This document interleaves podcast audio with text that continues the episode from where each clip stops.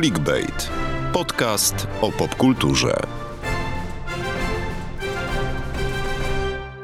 Halo, dzień dobry, to podcast Clickbait, 28 odcinek. Wracamy po nieco dłuższej przerwie e, niż przyzwyczailiśmy Was. Normalnie to nagrywamy co dwa tygodnie. Tutaj niestety mieliśmy no nieco dłuższą, bo tygodniowo dłuższą przerwę. E, nie, nie, nie było nas tutaj dlatego, że w zeszłym tygodniu mieliśmy tę naszą galę, o której opowiadaliśmy Wam przed, przed kilkoma No odcinkami. żałujcie, że nie było was. Tak, żałujcie, że Was nie było, było super ponoć, ale niektórzy mówią, że nie było super, ale my jesteśmy po tej stronie, która twierdzi, że nam się wszystko super udało, chociaż mogło być różnie. W wielkim zwycięzcą tej gali, e, Top seriali. Tej gali, tak, o której nie, nie nazywamy jej, nie mówimy jej 2000 głośno. gali. Top seriale 2023. Wielkim zwycięzcą był serial Wielka Woda, chociaż wszyscy, wszyscy wszystkim nominowanym i wszystkim nagrodzonym y, gratulujemy oczywiście raz jeszcze i cieszymy się, że mogliście być tam z nami i odebrać od nas te statuetki. Y, Mamy nadzieję, że spotkamy się z wami w przyszłym roku. O tej gali nie będziemy już prowadzić oddzielnego segmentu, ponieważ wszystko możecie sprawdzić na naszej stronie topseriale.wp.pl. Tam jest i relacja z gali, i wyniki i tak dalej. No ale mówię, Wielka Woda, Wielka Woda zwyciężyła. Dzisiaj o Wielkiej Wodzie nie będzie. My pogadamy sobie dzisiaj o trzech y, tematach, które są powiedzmy na czasie. O na czasie. wielkiej korporacji! O wielkiej korporacji, tak. Pogadamy o, także o Johnny Wicku, czyli wielkim zabijace i pogadamy też o Jimie Carreyu, który, Wielkiej gwieździe, która... której, która, która jest supernową teraz, bo już Tak. wybuchła. Ale, ale powraca, powraca z książką, którą sobie poczytaliśmy, ale nie będziemy tylko o książce, nie uciekajcie, nie uciekajcie, nie będzie literatury, tylko będą, będą bardzo ogniste, krwawe fakty z życia Jima Carreya. Zaczynamy. Clickbait. Podcast o popkulturze.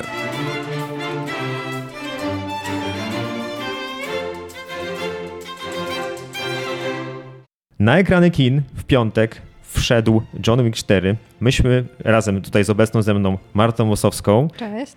I Magdą Drozdek. Cześć, ja się zaśmiał. Śmieję się, bo patrzę na Magdę jest taka kochana, bo bardzo się podobał chyba ten film, który oglądaliśmy prawie że wspólnie. Zbieram myśli już. Byliśmy, byliśmy w kinie, e, chcieliśmy o tym Johnie Wicku wam trochę poopowiadać, chociaż to jest już czwarta, czwarta, czwarta część, ale no, wcześniej nie mieliśmy okazji, bo nagrywamy dopiero od roku, a wcześniejszy John Wick był aż 4 czy 5 lat temu, więc dość spora przerwa, prawie jak nasz poprzedni odcinek podcastu, tak długo czekaliśmy na Johna Wicka.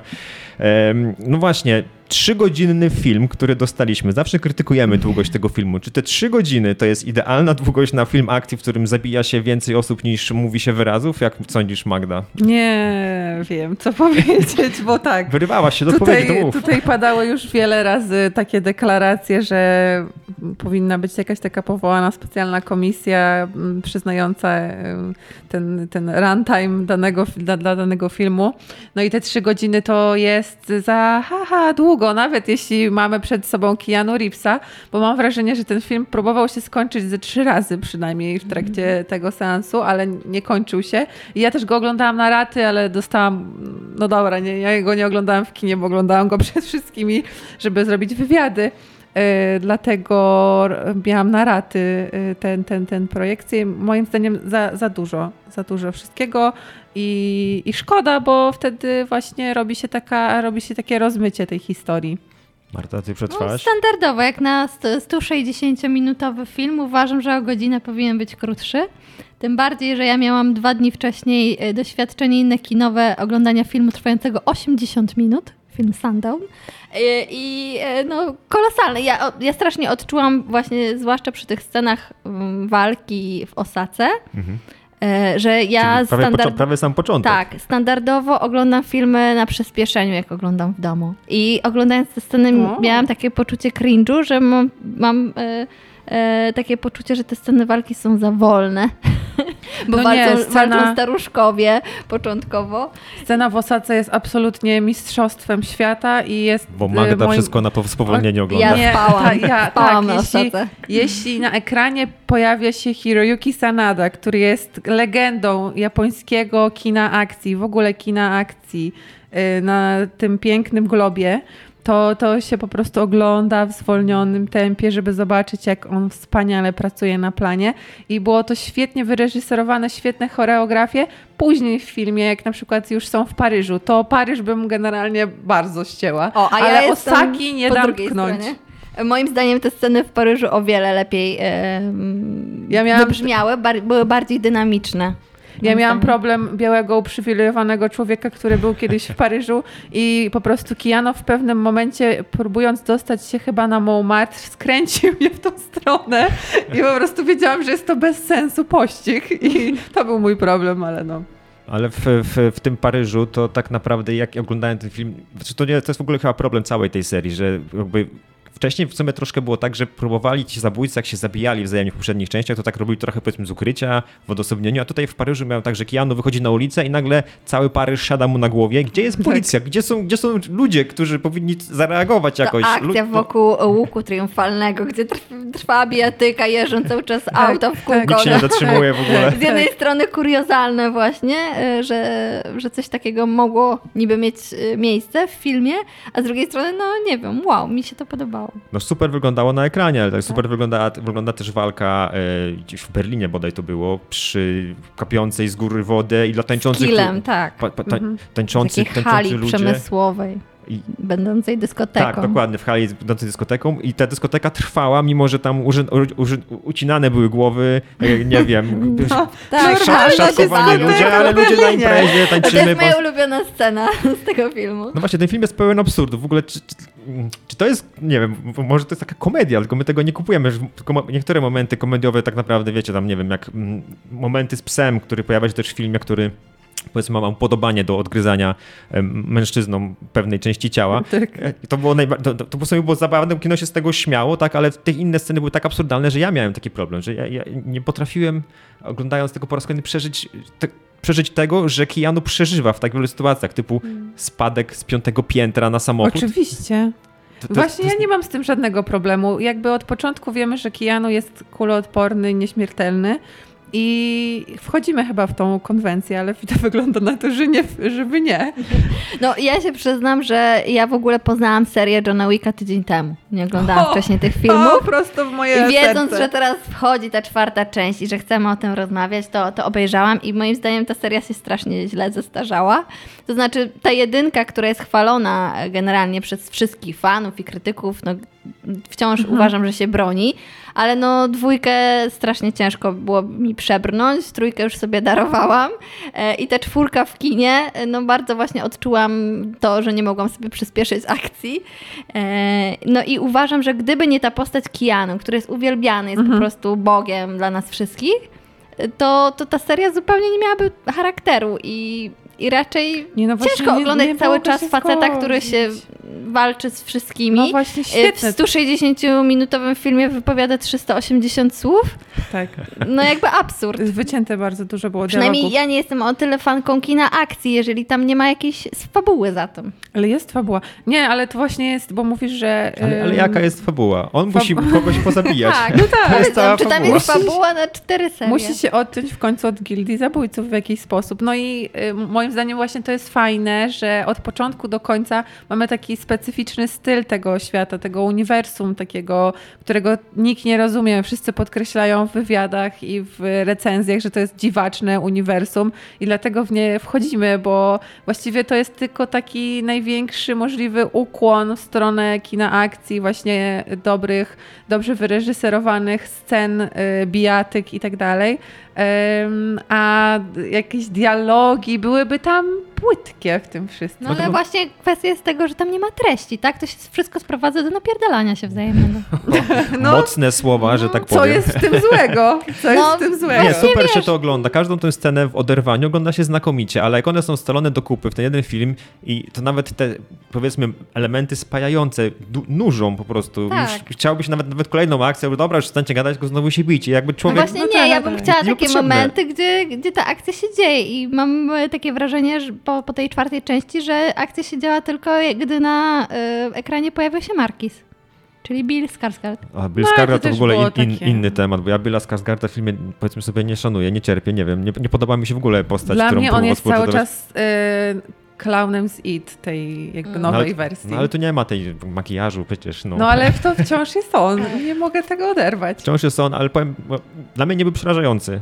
Jedynym momentem, Nie, powiedzmy, tak nie. odrobinę przerażającym było, jak próbował tam się licytować z inną postacią tam o to, o, jakieś pieniądze i użył do tego noża i tam takie nagle się zrobiło po prostu... Tak, Jedyna taka przerażająca scena z nim. To taka przerażająca, że y, Shamir Anderson, który gra właśnie tę postać, trackera, y, opowiadał właśnie o tym, jak oni mieli zaje- się bawili podczas kręcenia tej sceny, bo się znają z poprzedniej jakiejś Mhm. takiej produkcji, teraz nie przypomnę sobie tytułu, ale mm, y, właśnie opowiadał, że było, było mnóstwo jaj kręcąc scenę właśnie wbijania noża w łapę. A bo ty z nim rozmawiałaś w trakcie wywiadów, tak? Rozumiem. Tak, tak. Shamir jest w ogóle świetny, bo też ym, no, aktor, który nie ma jakiegoś ogromnego doświadczenia, nie jest super znany, no a na planie y, musiał walczyć z Kijanu i te sceny trwały i trwały. Y, I opowiadał właśnie, że, że łapał się na tym, że y, leżąc gdzieś tam w jakimś totalnie morderczym uścisku, gdzie Kijano mu założył Nelsona i mówi, o Boże, Neo z Matrixa próbuje mnie zabić właśnie.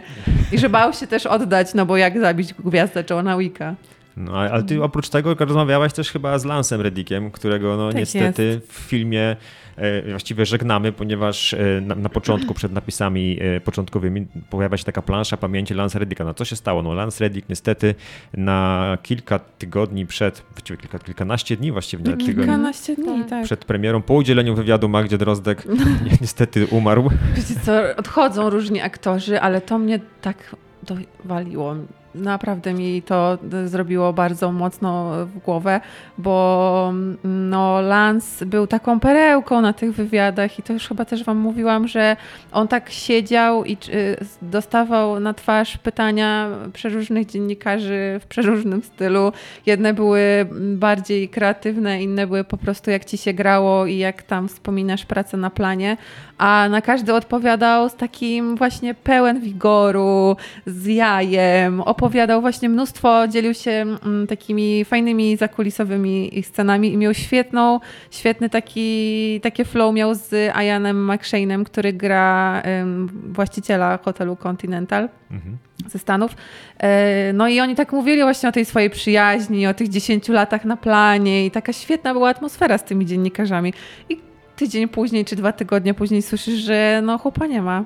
No to jest straszne w ogóle. Bo zresztą też e, wielu fanów się nie mogło z tym pogodzić. Zresztą e, Tak. Lance Reddick nie miał tylko fanów jako e, członek obsady Johna Wicka, bo Tak. grał w, w The Wire na The przykład. Wire i też gry, y, z tego co tak się zdążyłam zorientować, to jest to, to środowisko, którego Środ- bardzo mocno opłakało. Środowisko growe żegnało Lansa Reddicka, wchodząc online'owo do sieci w miejsce, gdzie przybywał w grze, to bodaj Destiny 2 chyba Mhm. było I, i tam oddawało mu hołd y, w jakiś sposób, więc to tak żona Lansa była wzruszona, że w ogóle gracze mogą Tak, zrobić coś innego niż tylko tak, wyzywać wszystkich dookoła tak. i zrobić coś dla jej męża, także no, no wzruszające. w- Ale sam Reddick też no, w filmie długo nie miał dużej roli, nie No będziemy, nie, nie, wiem, będziemy, nie, będziemy, nie będziemy smutne mówić. jest chyba to wszystko razem, biorąc to, co się wydarzyło w filmie i to, co się wydarzyło z nim i tak. No. Ale wracając do momentów nieco powiedzmy zabawniejszych, tak? No film tak jak e, składa się z takich elementów sekwencji akcji, tak? To tutaj e, Marta krytykujesz Osakę, ale chwalisz Paryż. Tak. A, a Magda Ja Osaka, ale ja jestem psychofanką Japonii, Hiroyukiego, a tam jeszcze z Donim Jenem razem w tej kuchni, jak się tam i później w tej sali, jak mają ostateczne starcie. Wiecie, ta, ja jestem naprawdę, kocham takie kino akcji, te stare kino akcji i Hiroyuki jest takim bohaterem tego kina, no, tam wymienić tam można dużo, no ale ostatnio go widzieliście w Bullet Train. Wcześniej pewnie parę osób e, obejrzało Ostatniego Samuraja, słynny film, na którym ja płaczę. A to dlatego. Już teraz wiemy, dlaczego tak wspominasz. I, I tak, i, i ta kwestia tego honoru, no wiecie, to jest takie. Wow. Ale też właśnie y, Keanu i reżyser Johna Wicka, czyli Chad Stahelski, Mhm. są wielkimi fanami właśnie kultury Japonii, Tak, anime i tak tak, dalej. tak, tak, E, tak. I oni na przykład mówią teraz w wywiadach, że nie mogą się doczekać japońskiej premiery Johna Wicka, a Japonia Japonia ma to do siebie, że te filmy amerykańskie wchodzą tam kilka miesięcy później, więc oni się Mhm. szykują, że jesienią ten film tam trafi. No Japonia jest dla nich bardzo I dla nich to będzie takie zwieńczenie Tak. właśnie przygody w ogóle z tym Tak. filmem. No, Keanu jest takim chyba jednym z największych fanów faktycznie w Hollywood, Japonii i tej kultury i tak zwracają na nią bardzo uwagę, z takim ogromnym szacunkiem podchodzą do tych starych filmów. Mówił Keanu na spotkaniu z dziennikarzami, razem z Chadem Stachelskim zresztą, że, mm, że właśnie oni biorą to wszystko, co kultura japońska wyprodukowała, jeśli chodzi o filmy, seriale i tak dalej. E, Nie wiem, Kurosały filmy e, i chcą je uhonorować, żeby nie zrobić przypadkiem ni- niczemu, nikomu, niczemu i nikomu krzywdy. I mi się wydaje, że pod względem tej, tego kina akcji, no to jest ukłon w stronę tych klasyków i tak dalej. No tam- tam- gorzej właśnie mówicie, że z fabułą, ale no, No ale komu ona fakt, tam... że za reżyserię tego filmu odpowiada gość, który wcześniej był kaskaderem, no to nie dziwi, że tutaj skupienie się na tym e, scenach akcji i na tym, żeby to było jak najbardziej efektowne, Mhm. ale też wiarygodne, Tak, jest tak. tutaj najistotniejsze niż, i to przeważa niż ta powiedzmy scenariusz, który moim zdaniem można by dialogi zmieścić pewnie na jakichś kilkunastu stronach. Znaczy tutaj, no mówię, ja się śmieję, że to niektóre sceny są niewiarygodne, ale faktycznie czuć, jak, jak, jak strzela ktoś pistoletem, to w kadrze widać, jak ta kula go trafia i to rzadko się zdarza, że to jest cięcie i jakby nawet y, kąty kamery, kiedy Keanu w kogoś celuje, jakby popatrzeć na tą linię strzału, to faktycznie wygląda, jakby miał go y, de facto trafić y, też na żywo, także tutaj du- ogrom pracy w choreografię został włożony. Ogrom, ogrom. tym, Nie y, da się doczepić do nich. Ja generalnie miałbym problem z obejrzeniem w całości Johna Wicka, bo na trzeciej części ja odpadłem, muszę przyznać. Nie dałem rady go dokończyć, dlatego że oglądałem go później w jakimś, w jakimś streamingu, próbowałem i tak w połowie już po prostu od, odpłynąłem. I myślę, że gdybym oglądał to w streamingu w domu, też miałbym, e, przynajmniej na raty musiał, ale trzymało mnie przy mm, obejrzeniu tego filmu do końca informacja, że w tym filmie jest taki super master shot, czyli scena kręcona na jednym ujęciu. I faktycznie jak ta scena wchodzi, to wszystko, co mówiłem złego o tym filmie, absolutnie zapominam. Mamy tutaj takie błyskotliwe ujęcie, takie trochę w stylu Tarantino. Kamera wlatuje nad, nad y, plan zdjęciowy, to jest takie zrobione specjalnie jakieś takie pomieszczenie i pomiędzy pokojami wędruje Keanu z ognistą strzelbą i tą ognistą strzelbą wykańcza wszystkich jednego po drugim. Jakie to jest, to jest tak piękne. Są ikoniczne sceny. Jest niewiarygodnie super. Ta scena po prostu dla tej jednej sceny te trzy godziny warto przesiedzieć, mimo że naprawdę jest to, mimo tego absurdu, że ja się po prostu śmieję na niektórych scenach, bo to tak, aż tak głupie, ale jak on wchodzi z tą strzelbą i rozwala tam wszystkich, po prostu to trzeba zobaczyć w kinie, bo to Tak. się nie, nie doceni się tego. Tak. I cieszę się, że takie filmy wchodzą do kina, a, a, że tam wiadomo, nie tylko Netflix puszcza na swoim streamingu, ale że tutaj widać serce włożone, w, może nie w scenariusz, ale, ale, ale w samą, samą choreografię i, i dla takich rzeczy, no fajnie, że istnieją filmy akcji, które potrafią dać kopa, bo to Mhm. John Wick, że daje kopa, to naprawdę dosyć, dosyć mocnego, nie? No i fajnie, że istnieje Keanu Reeves, nie? Fajnie, że Keanu istnieje, i jeszcze, jeszcze Donnie Yen, który tu się pojawia, Tak. bo mówiłaś o, o, o Hiroyuki, a tu Donnie Yen A, też wielka, wielka legenda. Ja próbowałem sprawdzić jego wszystkie fil- wcześniejsze filmy Donnie Yena i generalnie powiem wam tylko te, które mają No. angielskie tytuły, ponieważ nie potrafię ich zacytować, ale Donniego Yena na przykład ostatnio widzieliście w, w Rogue One, czyli w Gwiezdnych Wojnach, Tak. e, które się tak, tam tak, tak. e, pojawiły i chyba w Mulanie, w Mulan, nie w Mulanie, w Mulan, Mulanie. w Mulan tym wystąpił, no ale tak, on to jest też legenda karateka, kurczę, judoka, czy jakieś tam inne style Tak. walki, które uprawia i widać e, nawet w tej osace, jak mówię, że działa się powoli, tak wchodził Donnie Yen ze swoim tam wygibasami, to jak nagle w 120 klatkach wszystko się działo, było tak szybkie w ogóle, że totalnie wszyscy odstawali od niego, bo moim zdaniem ten Donnie tam, mimo już wieku, to daje radę. A w sam film też daje radę, bo zarobił w kinach e, w pierwszy weekend 70 kilka milionów dolarów. Tak, 75 ponad milionów. I co no i w jest sumie już ponad 120, tak? 130 nawet chyba na świecie. 130. A Rekord z całej też tej serii. to, to w ogóle jest ciekawe, że każda kolejna zdobywa, czyli rośnie ta kula Mimo śniegowa. właśnie pandemii, mimo tego, że się mówi, że, że jest kryzys przecież y, w branży, to, Ludzie to chcieli. jednak y, tak, kolejne części franszyzy opłaca się robić, dlatego już twórcy, mimo że to miała być ostatnia część, to już gdzieś tam się wymigują, że tam- być może... A tam scena po napisach jakby sugerowała, że Ja może właśnie ta... nie wiedziałam, że jest scena po napisach, No, nie po powiedzieliście mi, nie czekałam. Też wyszedłem, może trzy godziny minęły. No ale scena po napisach... godziny suge- 40. Y, Tak, no, no 2.40. Ale scena po napisach sugeruje, że ta seria chyba skręci troszkę w inną stronę, być może, ponieważ to, co się działo, no musicie sobie zobaczyć to w kinie, bo to musimy spoilować No dosyć ostro. będzie y, z tego, co mówili chłopaki, moi koledzy z planu Johna Wicka, Mhm. y, będzie balerina z Aną de Armas powracają, powrócą wszyscy, wszystkie postaci, bo będzie i i właśnie tej trzeciej części Sharon i tak, i, i, i, i Keanu też będzie. I to wszystko osadzone właśnie w świecie Johna Wicka, ale przed, po wydarzeniach z trzeciej części. O, A, czyli, czyli tak to będzie w tym uniwersum osadzone. Pomiędnik, musimy znaleźć tak, jakieś tak, słowo, tak. które to będzie to oddawało. Tak. Czyli czekamy na część piątą mimo wszystko? Tak? Chcemy zobaczyć, jak się piorą jeszcze?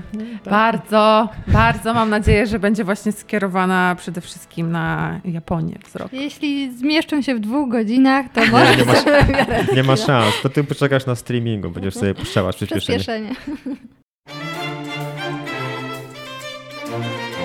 Clickbait. Podcast o popkulturze.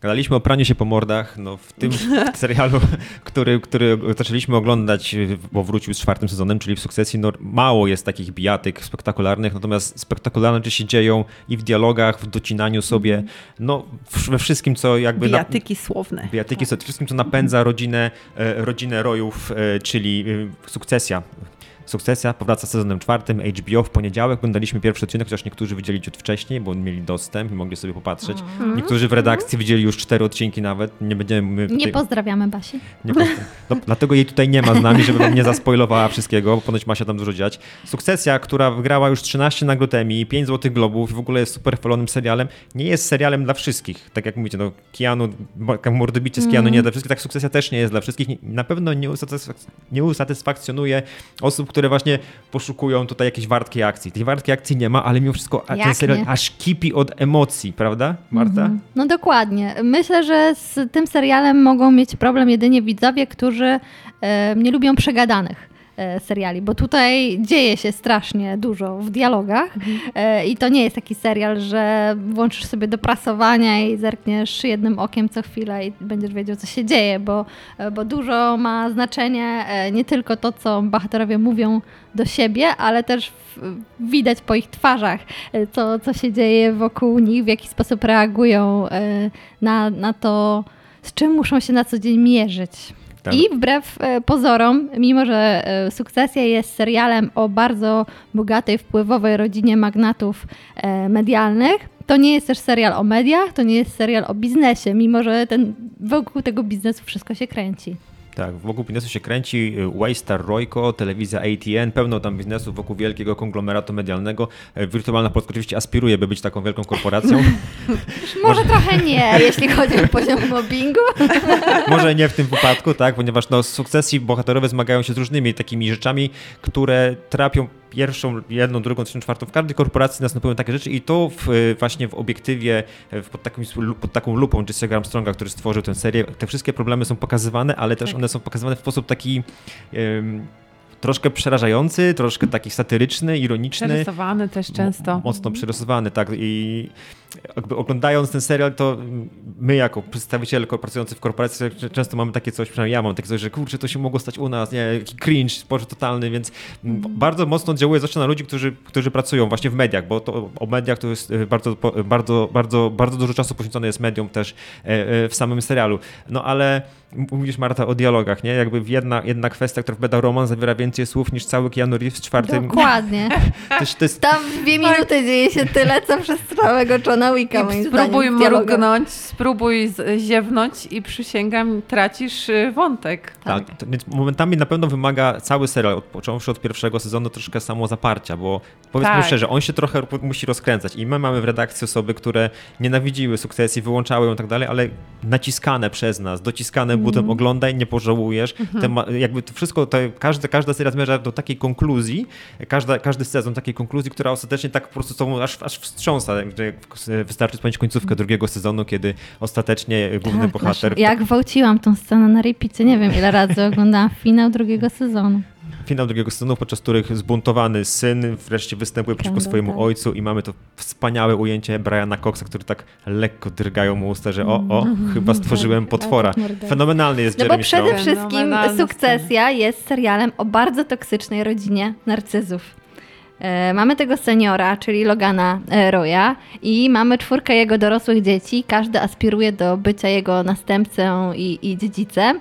No a widzimy, że te dzieci są strasznie zepsute i każde ma po prostu manię wielkości, ego, e, nadęte przepotwornie i żadne, żadne z tych dzieci nie spełnia wysokich oczekiwań ich ojca i żadne tak naprawdę nie nadaje się do przejęcia schedy i o tym jest właściwie sukcesja.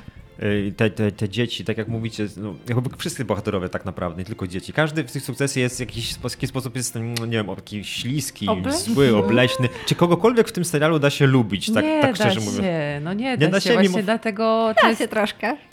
no oczywiście wszyscy kochamy Toma i Grega Tak. i ich e, piękny, piękny związek. Który, kto- ale oni nie należą do rodziny Rojów, ale są w tym tak. serialu i mocno na tą Mhm. rodzinę oddziałują. Są, są członkami, tylko są A, no takimi tak, okej. pobocznymi, Pobocznymi powiedzmy. członkami, zgadza się, dobrze, bo tam, szło małżeństwo. W czwartym sezonie wszystko się kręci wokół tego, co się stanie, kiedy Tom Mhm. przestanie być częścią rodziny. Czy będziemy wciąż ok? If we're good, we're good. Tak, tak, zgadza się. No i Tom i Greg, czyli właściwie jedyny taki wentyl bezpieczeństwa, jak Marta tu przed, przed podcastem określiłaś, że pozwala nam troszkę odsapnąć od tego, e, od tego właśnie takiego buzującego kur... występuje Od rozmów o przejęciach biznesowych O, różnych od tego biznesu, od tej ciężkiej gadki, ale też od tych rozgrywek psychologicznych, bo dla mnie to jest bardzo psychologiczny serial, e, który mówi o tej bardzo rodzinnej traumie, że ci dorośli ludzie, którzy są boga, bogatymi, białymi, wpływowymi ludźmi, tak naprawdę są zniszczeni i ja tam nie widzę żadnej szans na, na ich przetrwanie.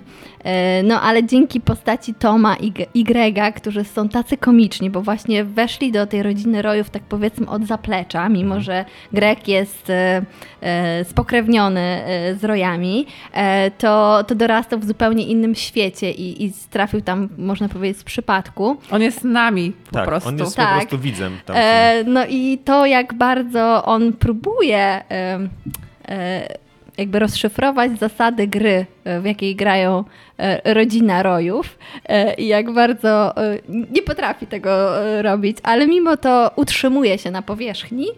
E, no Raz, to razem z Tomem, razem który z Tomem, też. tak. Tom jest też taki. Tom był takim właśnie taką postacią troszeczkę komiczną, ale w końcówce trzeciego sezonu, który tam półtora roku temu się skończył, Tom pokazał pazury, zęby czy cokolwiek. Tak. Sprzymierzył się ostatecznie e, z, z głową rodziny, czyli z Loganem, Mhm. który jest naprawdę dosyć dużym skurczybykiem, już nie będę tu przeklinał, przed chwilą przekląłem.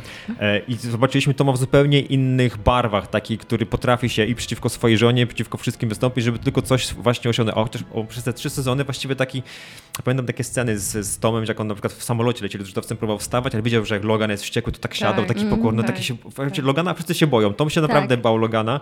Nie bał się go Greg, który już w pierwszym, w pierwszym odcinku tego sezonu powiedział Loganowi o swojej sekstaśmie domniemanej, co jest najlepszą sceną. Scena z sekstaśmą jest, przy- przysięgam, najlepszym, co do tej pory e, za- zadziało się między tą dwójką, a oczywiście były świetne sceny. Przypomnijmy sobie scenę e, wywalenia biurka przez Toma, e, epicka. i w Pytanie, ogóle... czy będziesz moim sporusem? Neron i Sporus, taka relacja e, cesarz, e, który poddał Tak, rzymskiego chłopca tak. kastrację, potem się z nim ożenił. I to wiele mówi o patologii relacji Toma i Grega. Ale scena z sekstaśmą jest, przysięgam, najlepsza. I przypomniałam sobie, jak w tamtym roku były rozmowy z twórcami i między innymi Między innymi właśnie Jesse Armstrong opowiadał nam, dziennikarzom, jak wygląda tworzenie y, scen, ale pomysłów generalnie na nie. No i pewnie tak jak w większości takich e, writers roomach, y, czyli po prostu są karteczki z różnymi hasłami.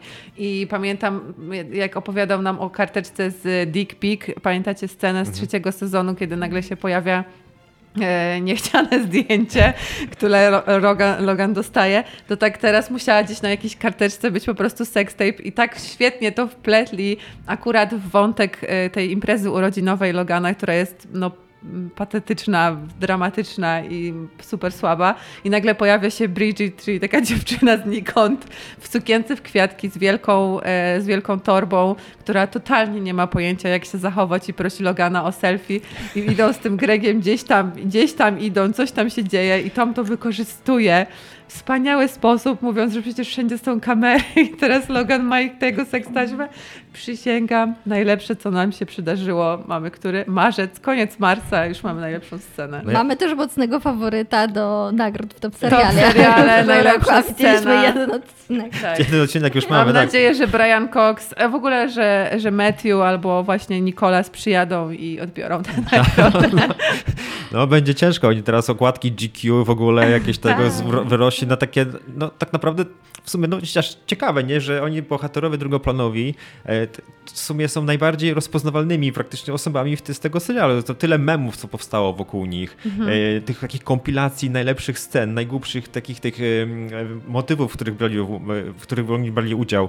E, jakby dla mnie to, to tak naprawdę ja, ja już teraz oglądam nie dla tej biznesowej gadki, której szczerze mówiąc totalnie nie rozumiem momentami. Na przykład początek trzeciego, czwartego sezonu, teraz pierwsze 20 minut, ja nie wiedziałem, co się dzieje na ekranie. Ale wchodzi Tom z Gregiem, okej, jesteśmy w domu, są moi ulubieńcy. Totalnie oglądałbym spin-offa z tymi dwoma. Nie wiem, jak mamy wyglądać. Czy, czy to jest kiedykolwiek możliwe, chociaż sukcesja ma się skończyć na czwartym sezonie, ale spin-off ym, z Tomem i Gregiem, nie wiem, czy muszę... Chociaż to by była zupełnie inna materia, tak? Pozbawiona właśnie tego dramatyzmu, tak mi się Nie, wydaje. właśnie przez to, że oni są osadzeni w tym świecie sztywniaków, Mhm. y, elit, to działa. Inaczej mogłoby to być właśnie za, za bardzo jakieś takie... A która z postaci jest waszą ulubioną? O kurde, to zaraz... Ciężkie pytanie. No ja tych dwóch lubię na pewno. No tak. Mm. Dla nich oglądam, ale z pozostałych y, y, strasznie bawi mnie Conor, który próbuje zostać prezydentem. To jest w ogóle Mm. Tak, dla mnie, to jest też, ale to jest tak. też kolejny, kolejny wątek komiczny. Tak, ale doceniam te wątki komiczne najbardziej. Coś, Mm. coś śmiesznego to najbardziej mi pasuje. Tak. Te dramatyczne, strasznie żal mi Kendala momentami, chociaż on też, Nie, mi nie. też jest, to nie jest psych- nie, nie? Ja jest- jestem właśnie nie. fanką Kendala. Ja właśnie nie. nie? To dlaczego nie? Ch- Może w ogóle ten feeling wokół też samego aktora, który tak bardzo chce być tą postacią i cały czas opowiada o tej swojej metodzie aktorskiej, że on nie gra tylko wciela, czy tylko jest, staje się tą postacią i on nie jest y, sobą, tylko jest Kendallem. No nie wiem, jakoś tak, nie wiem, nie, nie, nie kibicuję mu i nie chciałabym, żeby to on był jakby finalistą tej sukcesji. No właśnie, a kto wygra? Kto wygra sukcesję? Kto, kto wsiądzie No mi się wydaje, koniec? że tam każdy skończy? będzie przegrany, tak? Bo Tak. o ile właśnie Kendall przez powiedzmy te pierwsze dwa, jeszcze na początku trzeciego sezonu się wydawał tym faworytem, tą osobą, która jako jedyna ma gen mordercy, który zabije Logana, to on sobie Zabije zdał... w cudzysłowie oczywiście. Tak, to, to zdał sobie sprawę, że to, co powiedział mu chyba jego e, brat, e, że ojciec kocha cię tylko złamanego i że całe jego życie dąży do tego, żeby on był w takim momencie kryzysu i to do niego dociera i dlatego jestem też trochę fanką e, Kendala, bo wydaje mi się, że on jest jedyną z, z osobą z rodziny Rojów, która zdaje sobie sprawę, jak bardzo jest jakby w dupie. I,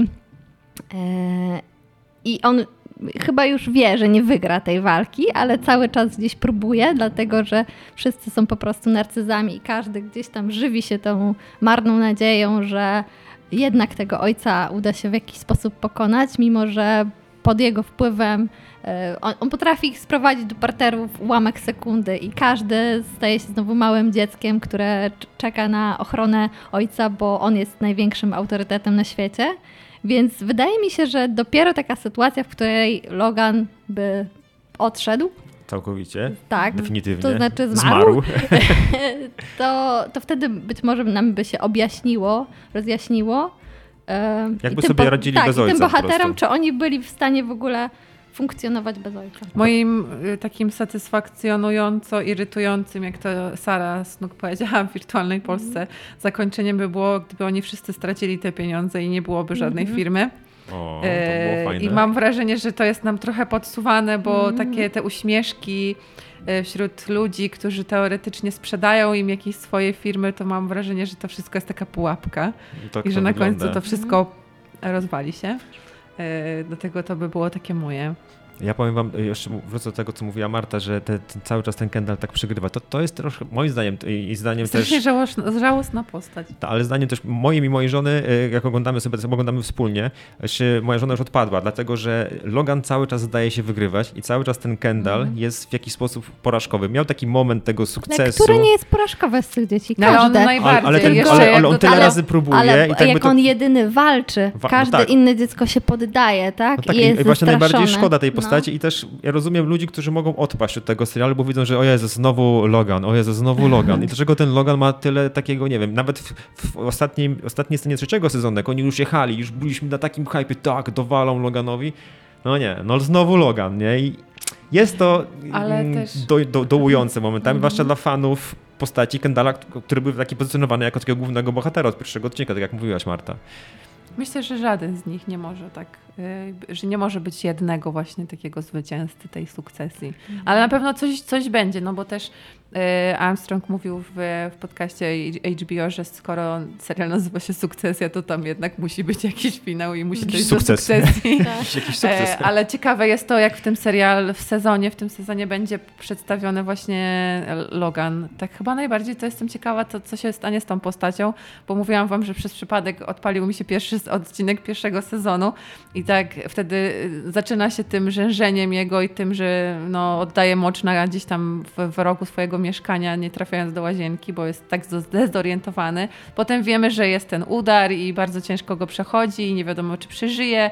Też twórcy zakładali, że Logan umrze. Ja też myślałem, że umrze w pierwszym sezonie, tak, tego się i nie spodziewałem umarł, mamy totalnie. czwarty sezon, więc tak mi się wydaje, że może to jest jakieś takie, nie wiem, przepowiednia, że może jednak coś się z nim niedobrego stanie w tym czwartym sezonie, ale też te, te rozmowy takie, że widać, że on jest bardzo samotny i nawet jak zabiera Kolina do restauracji i nie Mhm. wie, jaką kanapkę wybrać i tam się pyta, no kim są ludzie i widać, że jest tak super, super sam i że niby te dzieci go denerwują, ale trochę im brakuje e, tych, tych dzieciaków, no tak, no super to jest pociągnięte, zobaczymy.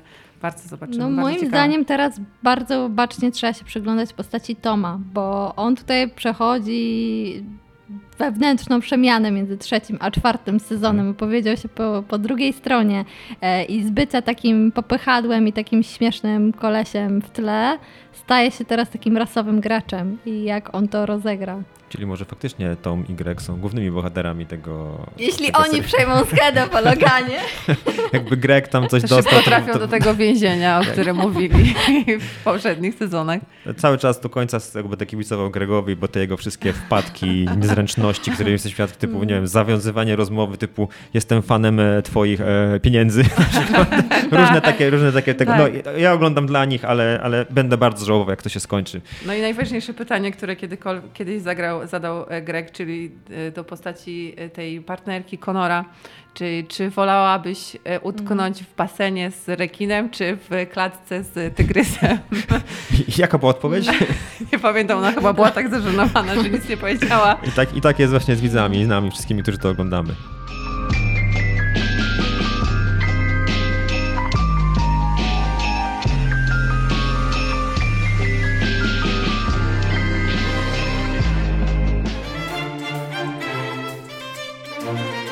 Clickbait. Podcast o popkulturze.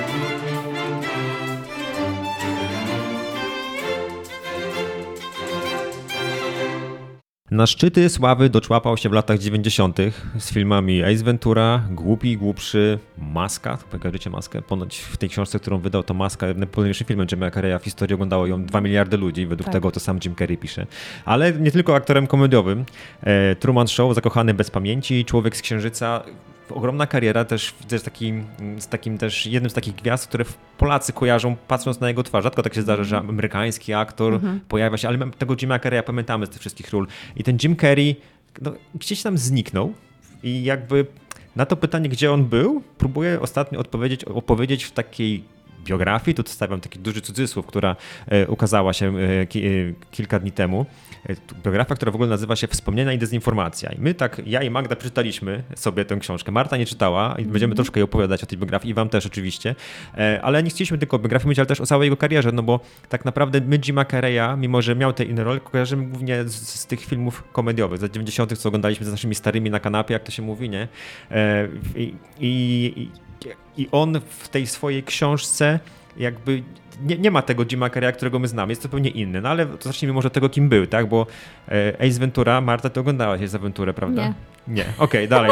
Czy oglądałaś Głupiego Głupszego? Nie. Pierwszy film, nie, Głupi i Głupszy to oczywiście znam. Chyba pierwszy film, który z nim oglądałam, to była Maska. I rzeczywiście to jest film, który najbardziej mi się gdzieś z Jimem Carreyem kojarzy. Chociaż no moim jego ulubionym filmem jest Truman Show. Show, który już I nie uważam, jest że to jest jego jakby największe dzieło. opus magnum Mm. Jima Carreya. A ty masz tak samo, Magda? E, Jakby oczywiście e, szacunek dla Truman Show, i ogl- ale oglądałam ten film już tyle razy i tak samo Maskę, że zawsze lubię tak pod prąd i ja zawsze mówię, że mój ulubiony film z Jimem Carreyem to jest Yes Man albo Bruce Wszechmogący. Bruce Wszechmo... Nie, totalnie bym Bruce'a. Nie, Bruce to jest jeden ze słabszych filmów Jima Ale Carreya, właśnie naprawdę. dlatego, że jest taki, taki o po prostu, ładniutki. No ładnie się go ogląda, wiadomo, że można go puścić do kotleta Tak. w przy niedzielnym popołudniu, bo mamy tu kwestię religii i fajnie jest religia pokazana, że Bóg jest taki, Tak. a nie inny, że super, Tak. że Bruce tam próbuje coś z tego. Okej, spoko. Natomiast Jim Carrey to e, ja z tych wszystkich filmów, które powiedzieliśmy, nie wymieniłem jednego. Kłamca, Kłamca jest tak naprawdę moim ulubionym Mhm. filmem, bo tutaj Jim Carrey mógł sprawdzić w takim repertuarze pół w sumie komediowym, pół tro- minimalnie o Tak. dramat. Film, w którym nie mógł w ogóle powiedzieć kłamstwa swo, swojemu synowi, a był prawnikiem, czyli prawnik, który e, jakby z angielskiego nawet lawyer, znaczy coś, ktoś to kłamie, przynajmniej tak tłumaczył to sobie jego syn. I Jim Carrey, wymigający się od kłamstwa swoją plastyczną twarzą, to jest coś, co, co ze mną zostało do, do dzisiaj. Ale, ale Truman Show jest takim filmem, który Mhm. włącza się i można go oglądać od. Łączy nas wszystkich. O. Łączy nas wszystkich, tak? Bo Marta, ty Truman, tak, Magda Truman. W ogóle tak, ale też ten. y, Jim Carrey ma tak niesamowitą karierę, że tak sobie prześledziłam, wiecie, pierwszy gość, który zarobił 20 milionów na filmie w Hollywood, A który to był film? Telemaniak. Telemaniak, o to Y, też powiedzieliśmy. Za Jesmena 35 milionów i to też była już taka rekordowa. No teraz wiadomo, te stawki wyglądają zupełnie inaczej i nie robi to takiego wrażenia, ale te, nie wiem, te 20 lat temu, no to były rekordowe sumy. No i ten Jim Carrey tak powolutku, powolutku, powolutku spadał z piedestału. Spadał z piedestału i o tym właśnie pisze też troszkę w książce, że e, on żałował właśnie, że po Truman Show i żałuje w tym. I to chyba wydaje mi się Mhm. jest częścią prawdziwą tej książki, ponieważ tak naprawdę ta książka to jest stekiem wyssanych z palca bzdur i dezinformacji o swoim życiu. Może dlatego tak fajnie się czyta, ale to wydaje mi się prawdziwe, że Jim Carrey chciał zaistnieć w tej roli, która przecież zresztą pojawia się w tych filmach, ale Akademia Filmowa nigdy nie doceniła jego starań. I on strasznie żałował, że na przykład na Tak. Zakochanego bez pamięci, który jest fantastycznym, genialnym filmem, e, może nie jest to najlepsza rola Carreya, ale film jako taki jest po prostu no, wstrz- wstrząsająco dla mnie fantastyczny. 10 na 10 w ogóle serduszko. E, I Jim Carrey po tym Zakochanym bez pamięci tak przeżywał taki okres takiego prób, próby znalezienia czegoś jeszcze. I w, tym, I w tej książce, którą czytaliśmy z Magdą, jest e, nawiązanie do filmu I Love You Philip Morris, w którym Tak, gra z Iwanem McGregorem dla niego film. i, i w którym Jim Carrey uparł się, żeby nagrać bardzo mocną scenę em, takiego em, homoseksualnego stosunku. I, i, I ta scena według Jima Carreya pogrążyła całą jego karierę, bo ludzie nie byli gotowi w 2008 czy 2009 roku, kiedy Tak. to było puszczone. Tak. I co się działo według Jima Carreya, Magda, po, tej, po tym jak nakręcił tę scenę? Właśnie to jest fascynujące, bo może zacznijmy, że próbowała, albo nie, dobra, w książce, Mhm. która jest takiem dezinformacji i rzekomych wspomnień, ale przede wszystkim dezinformacji, jest to pokazane w taki bardzo, bardzo przerysowany sposób, że po tym filmie e, Jim Carrey został em, no po prostu zmieszany z błotem, to powiedzieć mało, ale działo się tam wszystko. E, Były, były, były różne wypowiedzi pastorów, którzy go e, oskarżali o demoralizację dzieci, niszczenie amerykańskich rodzin. Były, były napady na jego, mieszka- na jego willę w, gdzieś tam na, w Los Angeles, na tych pięknych wzgórzach, że wylewali mu świńskie, od- e, świńską krew przed bramą, pisali mu jakieś tam e, nie, jakieś przekleństwa na płocie, że wrzucili mu trzy e, świńskie łby do basenu, przerzucając je przez płot, że cy- cytowali mu wersety z e, Apokalipsy Świętego Jana do kamery, no hity. No i oczywiście sam fakt, że po prostu, że ten film załamał jego karierę, że po prostu stał się e, wyklętym aktorem w Hollywood i tylko jakaś produkcja, animacja dla dzieci mogła uratować jego honor. I czy uratowała? Faktycznie w, w życiu ten film nie, nie był tak źle przyjęty, bo wcale nie było tak dramatycznych recenzji. Te recenzje były takie no 6 na 10. No, 6, 7, tak. no, tak. Nie było też jakichś wielkich kontrowersji. No wiadomo, na forach internetowych coś tam mogło się dziać w stylu jakichś tam komentarzy o tych scenach seksu e, homoseksualnego, ale nie było takiej, nie było to tak aż nakręcone, jak on to opowiada w książce. A mimo wszystko Jim Carrey zniknął. Zniknął i widzieliśmy go na przestrzeni tych 12-13 lat, które były, minęły od premiery I Love You Philip Morris w jakichś takich powiedzmy małych rolach, albo już taki przestał być takim nazwiskiem sprzedającym filmy. Jest mało w ogóle takich aktorów teraz. Mhm. Kiedyś było tak, że nazwisko się pojawiało przed tytułem filmu, a teraz i tak było z Jimem Carreyem, mhm. że zanim zobaczyło się Głupi Głupszy, już było wiadomo, że to Jim Carrey. Zanim był Telemaniak, większą czcionką było napisane, tak, że Jim Carrey. Tak, to był tak. tak, tak super znany, e, znany aktor hollywoodzki i tutaj nagle ten, ten taki, zaczął się taki jego powiedzmy, nie wiem, upadek, czy też odłączenie, on chyba zresztą sam troszkę próbował chyba uciec, mi się wydaje. Tak, wyciągnął trochę wtyczkę z tej, z tej swojej kariery, nie? Na, pięknie no, napędzanej. Ale jak y, to z tego, co mówicie, wynika, że no był tym nazwiskiem, był osobą, która była rozpoznawalna na całym świecie, uwielbiana przez miliony widzów, a brakowało mu tego docenienia ze środowiska tych, powiedzmy, akademików, tak, krytyków i tak dalej. I z, z, tego wszystkiego w końcu nadszedł ten, ten kryzys. No bo ile razy możesz wcielać się w podobne postaci komediowe, i nie widzieć, że to ma jakiś sens poza mm, poza dodatkiem dolarów na koncie. No to wszystko jakby kwestie mm, dostawania, niedostawania ról połączone z poważną depresją, poważną chorobą.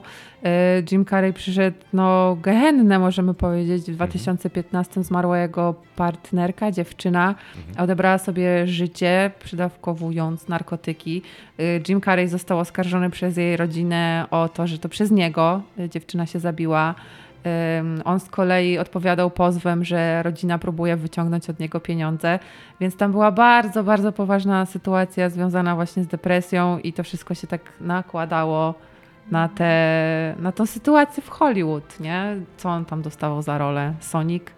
Tak, w Sonicu zagrał doktora Robotnika, tak. co jest w sumie fajną rolą, taką zabawną, powrotem do takich występów takich lekko komediowych, e, ale wystąpił też w serialu, którego niestety nie miałem okazji oglądać, Kidding. Mhm. To tutaj nieobecna dzisiaj Basia jest wielką fanką tego serialu, który jest właśnie takim serialem takim mocno dramatycznym, e, no ale nie, nie, nie chcę się wypowiadać na temat, ale miał, miał być taki powrót powiedzmy do e, ról dramatycznych, jak miał powiedzmy przed jakby tym takim schyłkiem kariery, który sobie sam zgotował tak naprawdę, ale to ten serial nie stał się jakiś ogromnie popularny. Jest, mhm. I to już, tak jak mówię, nie sprzedawało to nazwisko Jim Carrey, chociaż powinno i zatrudnienie go do tego serialu miało nam sprawić, że, że będziemy to oglądać, ale no, nie, nie, wymienialiśmy go nigdy na, chyba na łamach naszego, naszego podcastu jako serialu, który tam koniecznie trzeba zobaczyć, chociaż szkoda, że nie ma z nami Basi, bo może by nam powiedziała, dlaczego faktycznie, faktycznie warto.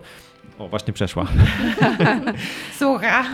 Wilku mało. Tak, powiedzieliśmy na głos, za, za, za szybką naszego super studia pojawiła się Basia, ale nie wpuszczamy jej tutaj, żeby nie, nie, nie, nie, Zawarkotowaliśmy się. Nie burzyć podcastu. Ale właśnie wracając jeszcze na chwilę do tej książki, mm, bo jakby sam, samo wydawnictwo sprzedaje to książkę nie jako biografię, chociaż ja padam słowo biografię, ale jako podróż wewnątrz umysłu Jima Carreya. I to jest tak przedziwna podróż, ale że jak? potrzebne nam tutaj kilka map, żeby się w tym odnaleźć, bo czego Jim Carrey w, tym, w, tym, tym, e, w tej książce nie robi? No, z tym Charliem Kaufmanem, który chciał go jako, mm, wypromować jako aktora dramatycznego, e, próbują nagrać nowy film, nakręcić film, w którym Jim Carrey miałby się wcielić w Mao Zedonga, tak jest. Y, tego komunistycznego przywódcę Chin, zbrodniarza i tak dalej. I, a Jim Carrey początkowo nie chce, a ostatecznie wkręca się w ten cały proces nagrywania. Pojawia się w książce Anthony Hopkins, który mm, jakby próbuje nakierować Jima Carreya na to, jak ma występować. W ogóle sam, w samej książce Anthony Hopkins określony jest jako jakiś taki psychopata i dziwak i tak dalej. W książce mamy też inne gwiazdy. Nicolas Cage Nicolas tam się Cage, który sprowadza z Mongolii kości dinozaurów. Co jest prawdą. Do swojego dojo, gdzie to, ta, toczą różne walki z Jimem Careyem, jiu-jitsu chyba, treningi jiu-jitsu. E, Nicolas Cage jest tam taką osobą uu, odklejoną totalnie od rzeczywistości. Taki, taki prawdziwy Nicolas Cage. Ale wiecie co, jak ja zaczęłam czytać tę książkę, to ja chyba nie byłam świadoma, że to, że to nie jest biografia. I tak zaczęłam ją czytać i byłam w takim szoku, bo na przykład je, już gdzieś tam Gdzieś na drugiej stronie jest historia o tym, jak, jak, papara, jak wykradziono nagranie z monitoringu, mhm. na którym Jim Carrey półnago czy nagi leży w basenie, czy zwija się w tym basenie. Zaczęłaś szukać tego nagrania. Tak. I ja mówię, ja, ja, zapomnieliśmy o tak, przegapiliśmy takiego newsa, że tak. za ileś tam dziesiąt tysięcy poszło do mediów nagranie z Jimem Carreyem, które trzeba było później dementować na zasadzie, że on tam się przygotowuje do roli i po tej, po tej akcji y, Jim Carrey ogrodził swoją posiadłość płotem takim pod napięciem, że tam paparazzi i zwierzęta się na nim przypalają. Ja mówię, niesamowity news! Gdzie to wszystko? Niesamowity news! A potem faktycznie jest tak, że, że ta książka jest pełna takich przerysowanych, nieprawdziwych, znaczy tak jak Jim Carrey mówi, że to jest nieprawdziwa historia o prawdziwych wydarzeniach. Tak, Czyli tak. jakieś rzeczy, które się wydarzyły w jego życiu są jakby w zupełnie innym świetle pokazane albo przerysowane właśnie. Ja się zastanawiałem nad tym, czy te, czy te um, prawdziwe postaci hollywoodzkie, wymiany z imienia nazwiska, w jakiś sposób były konsultowane. Czy, Nie były. Z tego, co Jim Carrey mówił w wywiadzie chyba dla CBS, to oni sobie razem z Danem Waszonem wymyślili.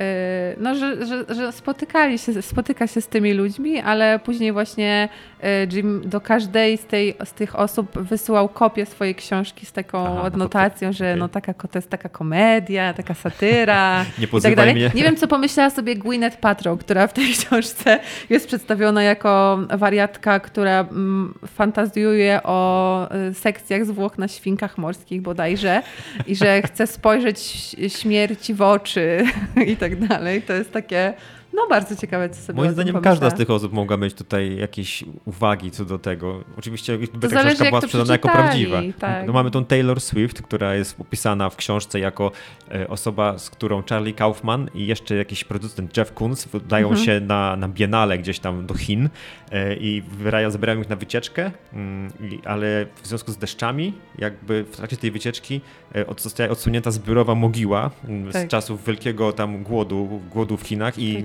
Taylor Swift grzęznie tam w oczodole jakiegoś biednego człowieka, tak. w nim tam złamane kręgosłupy w ogóle, e, wiecie, roztrzaskane, wy- wygłodzone osoby, jakieś zwłoki totalnie i, i w jakiś sposób próbuje się to zamaskować i daje się możliwość, że Taylor Swift dostaje coś w zamian, żeby Tak. wystąpić z jakimś pokazem Tak. mody gdzieś tam na Tak. schodach zakazanego pałacu w A ogóle. Charlie Kaufman nie przyjmuje warunków, wraca do Stanów i jest przekonany, że wszyscy chcą go zabić i jest jakiś spisek y, zawiązany przeciwko niemu. Ja też sprawdzałem tego newsa z tą Taylor Swift w ogóle. Co? Gdzie to było? Kiedy? Kiedy ona miała jakiś pokaz? Taylor Swift, China, Musgrave. Albo ta postać tej dziewczyny, takiej partnerki książkowej, Tak. ta Georgie, nazwisko bardzo trudne, nie przypomnę sobie. Też szukałem takiej osoby i okazuje się, że każdy wpisałem nazwisko tej osoby, to pojawiała mi się recenzja książki, w której było ona nie istnieje. Jest Tak, zbiorem tak. wszystkich partnerek życiowych Jima Carreya wypchniętych w jedną osobę. A ta postać Mhm. jest tak przerażająca momentami, ta, ta kobieta. Jest, jak, no nie będę mówić, po prostu no to warto przeczytać, żeby... wa- Ale, ale czy Ale właśnie jak myślicie, po co taka książka powstała? Mi się wydaje, że to Bo- jest właśnie z takim ogromnym dystansem do Hollywood i do tego, co się dzieje w przemyśle rozrywkowym.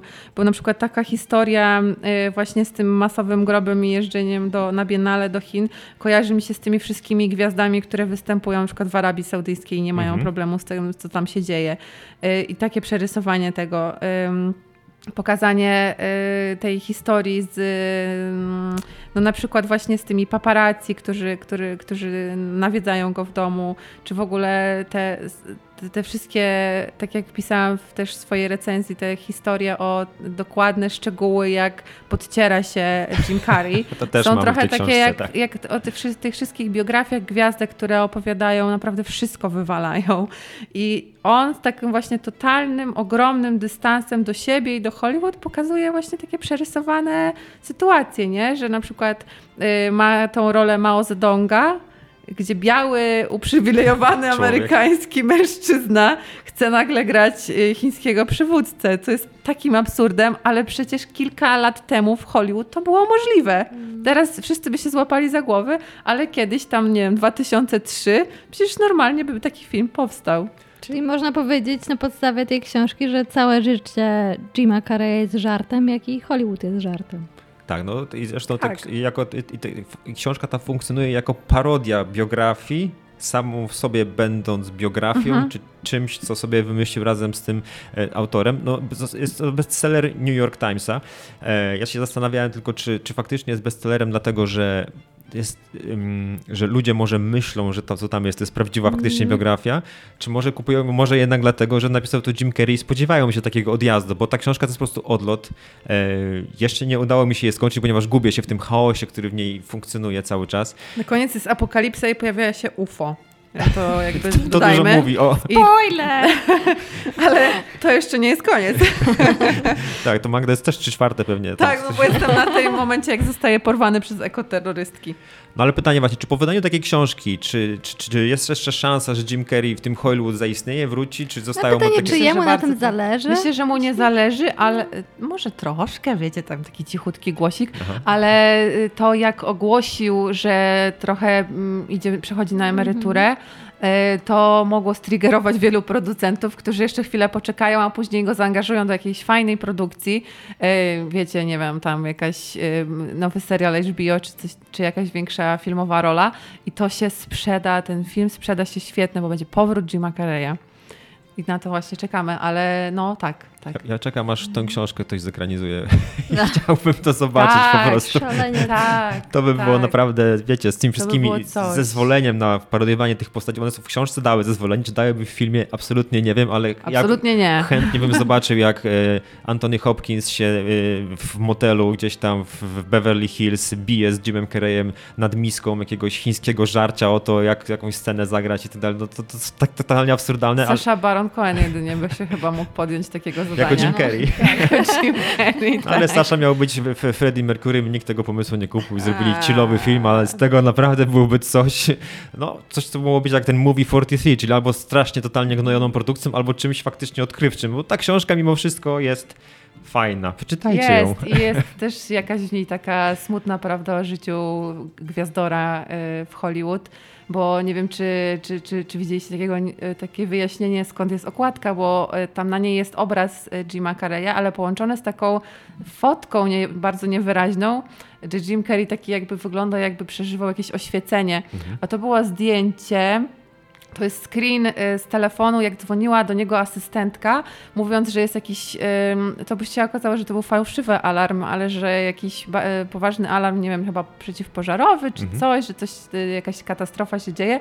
I Jim Carrey w takim już przeświadczeniu, że generalnie koniec, umiera, rozmawiał z tą asystentką, ona zrobiła te, te, te, te, zdjęcie, no i zastanawiał się nad swoim życiem, co przeżył, że było słabo, było fajnie, było słabo i, i, i, właśnie mówi, że, że już wie, jak to jest, kiedy się za, zamyślisz o ostateczności, nie?